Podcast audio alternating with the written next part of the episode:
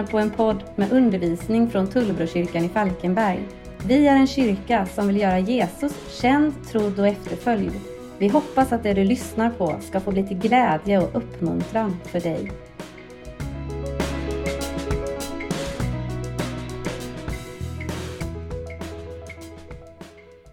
Det har ju inte undgått någon endaste av oss att vi lever i väldigt speciella tider. För vem av oss hade bara för några månader sedan kunnat föreställa sig att vi skulle leva mitt i en pandemi? Vem av oss hade kunnat föreställa oss att år 2020 skulle bli på detta sättet? Någon sa häromdagen, och jag tror det ligger mycket i det, att undrar om inte vi kommer prata om livet som livet före och livet efter Corona. Jag tror det ligger mycket i det. Därför att vi har ju redan sett hur det har påverkat tillvaron runt omkring oss. Men så här på påskdagen så tänkte jag faktiskt inte ägna så där vidare värst mycket tid åt just coronapandemin. Den kan du läsa betydligt mycket mer om på nätet, eh, i tidningar och höra talas om på tv och radio. Nej, det jag skulle vilja ta lite tid till för att stanna upp inför tillsammans med dig, det handlar om tidernas största och viktigaste händelse som för alltid har kommit att förvandla mänskligheten från det att det skedde och ända in i evigheten. En förändring och en förvandling som, som är permanent och bestående. Det berättas om evangelisten Billy Graham som i en intervju med magasinet eh, Time i USA lär ha sagt ungefär följande. Att om jag hade varit en motståndare till den kristna tron, då hade det varit just uppståndelsen som jag hade skjutit in mig på. För det är själva kärnan i tron. Och visst hade han rätt uppståndelsen och det som sker på påskdagen, det är liksom själva kärnan i den kristna tron. Jag ska läsa ifrån första Korintierbrevets femtonde kapitel. Och här sätter aposteln Paulus ord på samma saker som Billy Graham hade fångat upp. Och det står så här i vers 12 till och med 20. Men om det nu predikas att Kristus har uppstått från de döda hur kan då några bland er säga att eh, det inte finns någon uppståndelse från de döda? Om det inte finns någon uppståndelse från de döda har inte heller Kristus uppstått. Men om Kristus inte har uppstått, då är vår predikan meningslös och även er tro meningslös. Då står vi där som falska vittnen om Gud eftersom vi har vittnat om Gud att han uppväckt Kristus som han ju inte har uppväckt ifall det verkligen är så att döda inte uppstår. För om döda inte uppstår har inte heller Kristus uppstått. Men om Kristus inte har uppstått, då är er tro meningslös och ni är fortfarande kvar i era synder. Och i så fall är de som har insomnat i Kristus förlorade.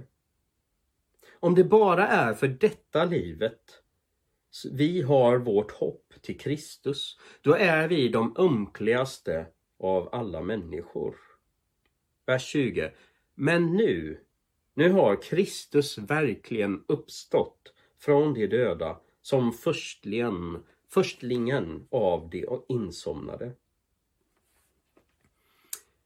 Där i församlingen i Korint så fanns det en del människor, en växande falang människor som hade börjat tala om att det inte finns någon uppståndelse från de döda. Det här var en grupp människor som var påverkade av grekisk filosofi. Och Paulus han kände sig nödvändig, eller han kände att det var nödvändigt att bemöta det här som nu började florera där i församlingen. Varför då kan vi fråga oss, varför var det så viktigt för honom att bemöta de där personerna? Jo, därför att det Paulus visste och det Billy Graham satte ord på, det är att hela den kristna tron hänger på den där spiken, nämligen uppståndelsen. Allting hänger på den. Och börjar vi rucka på den eller ta bort den, då rasar allt som ett eh, korthus. För utan påskdagen så finns det inte någon kyrka, ingen kristen tro som vi känner den. Nu skulle jag vilja att du bara för ett kort ögonblick gör en liten övning tillsammans med mig och den är väldigt, väldigt enkel. Jag skulle vilja att du bara för en kort liten stund använder din fantasi och att du försöker för ett ögonblick föreställa dig hur tillvaron, hur världen skulle ha sett ut om påskdagen aldrig hade ägt rum. Hur tror du att världen hade sett ut om det aldrig hade skett det som hände på påskdagen? hur hade det varit om Jesus än idag hade varit lika död nu som när man tog ner honom från korset på Golgata? Om vi ska tro Paulus så är det ju faktiskt så att jag hade slösat bort min tid och mitt liv på en massa meningslösheter. Du hade slösat bort din tid just nu genom att du sitter och lyssnar på det jag säger. Det berättas om en liten pojke som klagade till sin mamma över att han hade så ont i magen. Och så säger pojkens mamma till honom att ja, men min lilla vän, det hade inte varit så farligt om du hade haft någonting i din mage, om du hade stoppat någonting i din mage. Men nu, nu är den ju tom och det är därför du har ont i den. Och samma dag så fick familjen besök av församlingens pastor och, och pojken som var artigt uppfostrad, han frågade hur det stod till och pastorn klagade på att han hade så ont i huvudet. Varpå den lille pojken sa att ja men det är ju för att det är helt tomt där uppe. Om du hade haft något i ditt huvud, om det fanns någonting där inne så hade det ju inte gjort ont. Men om det inte var för Jesus uppståndelse så hade min förkunnelse varit tom. Då hade det inte funnits någonting att hänga upp den kristna tron på. Om Jesus inte hade uppstått. Allting står och väger med det som sker på påskdagen. Min predikan skulle varit meningslös om det inte var för att Jesus har uppstått. Och ditt lyssnande hade också varit meningslöst om det inte var för att Jesus har uppstått. Och då hade vi varit tidernas största lögnare. Därför att det vi vittnar om hade varit en stor lögn. Det är precis det Paulus skriver i vers 15. Då hade vi stått där som falska vittnen. Och då hade Matteus, Markus, Lukas och Johannes varit falska vittnen.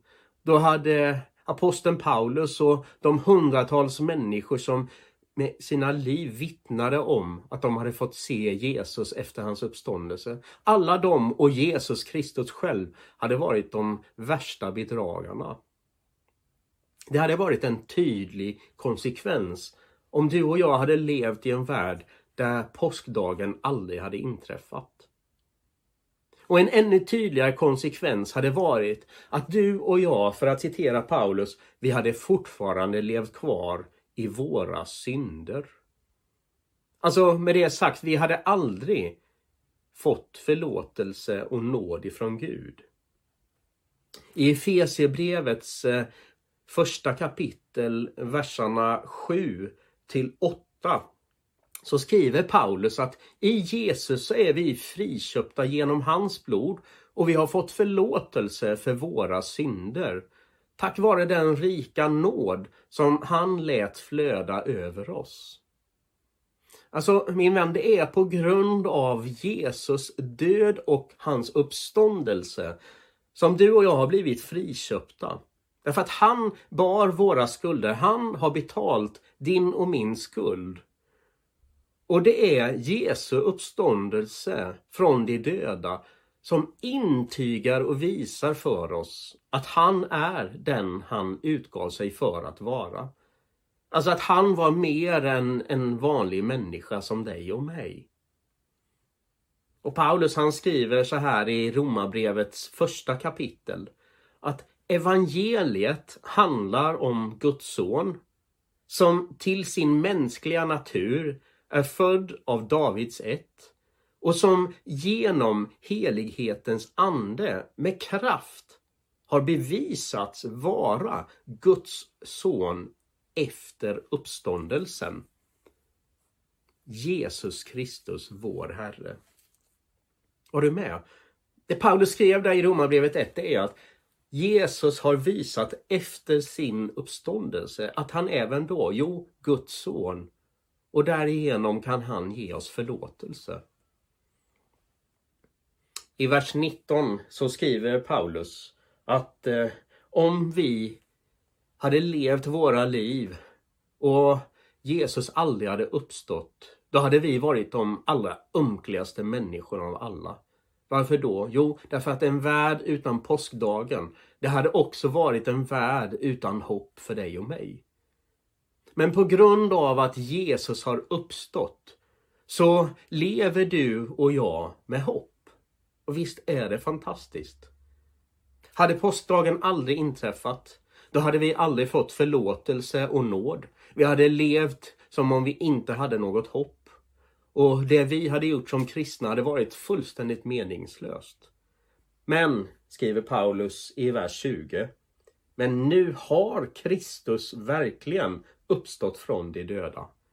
Och på grund av att han har gjort det, eftersom Jesus uppstod från de döda, så finns det förlåtelse och nåd.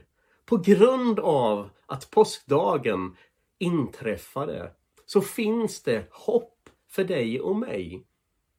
Till och med under tider och dagar som dessa vi lever i just nu. Och jag tycker det är helt underbart att få påminna sig om detta på påskdagen. Och Jesu uppståndelse, den är, för att knyta tillbaks till det jag började med, den är själva kärnan i våran tro. Hade han inte uppstått, ja men då hade det varit meningslöst. Då hade du och jag aldrig fått den där nåden ifrån Gud själv. Då hade vi levt här som om vi inte hade något hopp. Men nu har Kristus uppstått. Och därför, därför har du och jag ett evigt hopp som bär oss genom allt. Och därför, på grund av att Jesus har uppstått, så kan du och jag ta emot förlåtelse. Visst är det underbart min vän? Ska vi be tillsammans? Herre, vi tackar dig för ditt levande ord. Ditt ord som hjälper oss att se hur central din uppståndelse är. Utan det du gjorde genom din uppståndelse så hade det vi håller på med varit helt meningslöst. Utan din uppståndelse Kristus så hade det inte funnits någon kyrka. Då hade vi levt här som om vi inte hade något hopp. Och vi hade levt här kvar i våra synder utan möjligheten till att få ta emot din nåd och förlåtelse. Jag tackar dig Jesus. Jag tackar dig för att du inte bara dog för våra synder, utan att du också intygar och visar för oss att du är Guds son genom och på grund av din uppståndelse på påskdagen. Herre, jag ber dig om att vi skulle få leva i den sanningen. Att det skulle få bli levande i oss. Påminn oss om vad du har gjort för oss på påskdagen. Och låt det, Herre, få bli till ett vittnesbörd som vi får dela vidare. Jag ber så i Jesu namn. Amen. Jag skulle vilja avrunda den här predikan med att uppmuntra dig som lyssnar just nu. Att eh, fundera på hur ditt eget liv ser ut. Och att du vågar ställa dig själv frågan Märks påskdagen i mitt liv? Påverkar den mitt liv i någon bemärkelse och i sådana fall hur? Samtala gärna om det när ni möts som eh, smågrupp tillsammans under veckan eller veckorna som kommer. Samtala gärna med den eller de som finns runt omkring dig. Hur märks påskdagen och Jesu uppståndelse i mitt liv? Skänker den mig hopp? Skänker den mig en, en insikt om att jag har blivit förlåten och tagit emot nåd? Ger den mig något in i mitt vittnesbörd när jag delar min tro med andra människor genom ord och handlingar? Så vilken plats har påskdagen fått ta i mitt liv? Fundera på det under veckan som ligger framför.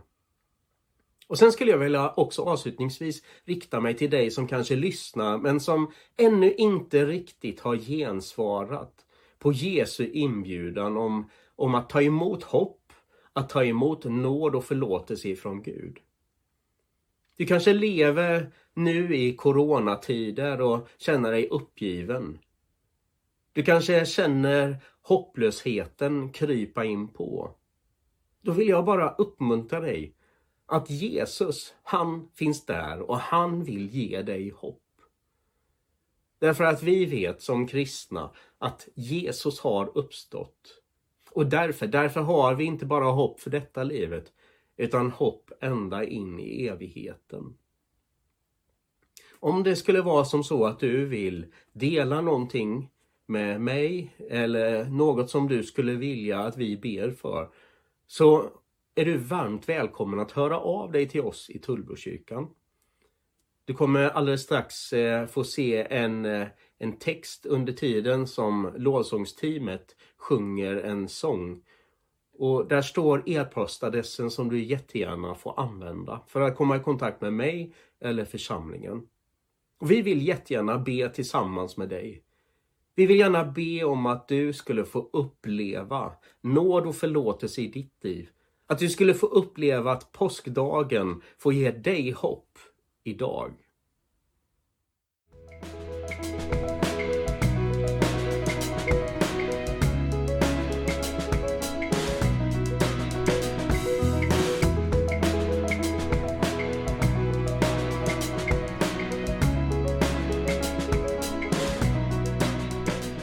Du har lyssnat på en podd från Tullbrokyrkan du är alltid välkommen till våra gudstjänster på Halmstadvägen 5 i Falkenberg. Besök oss gärna på tullbrokyrkan.se för mer info eller sök på Tullbrokyrkan på sociala medier.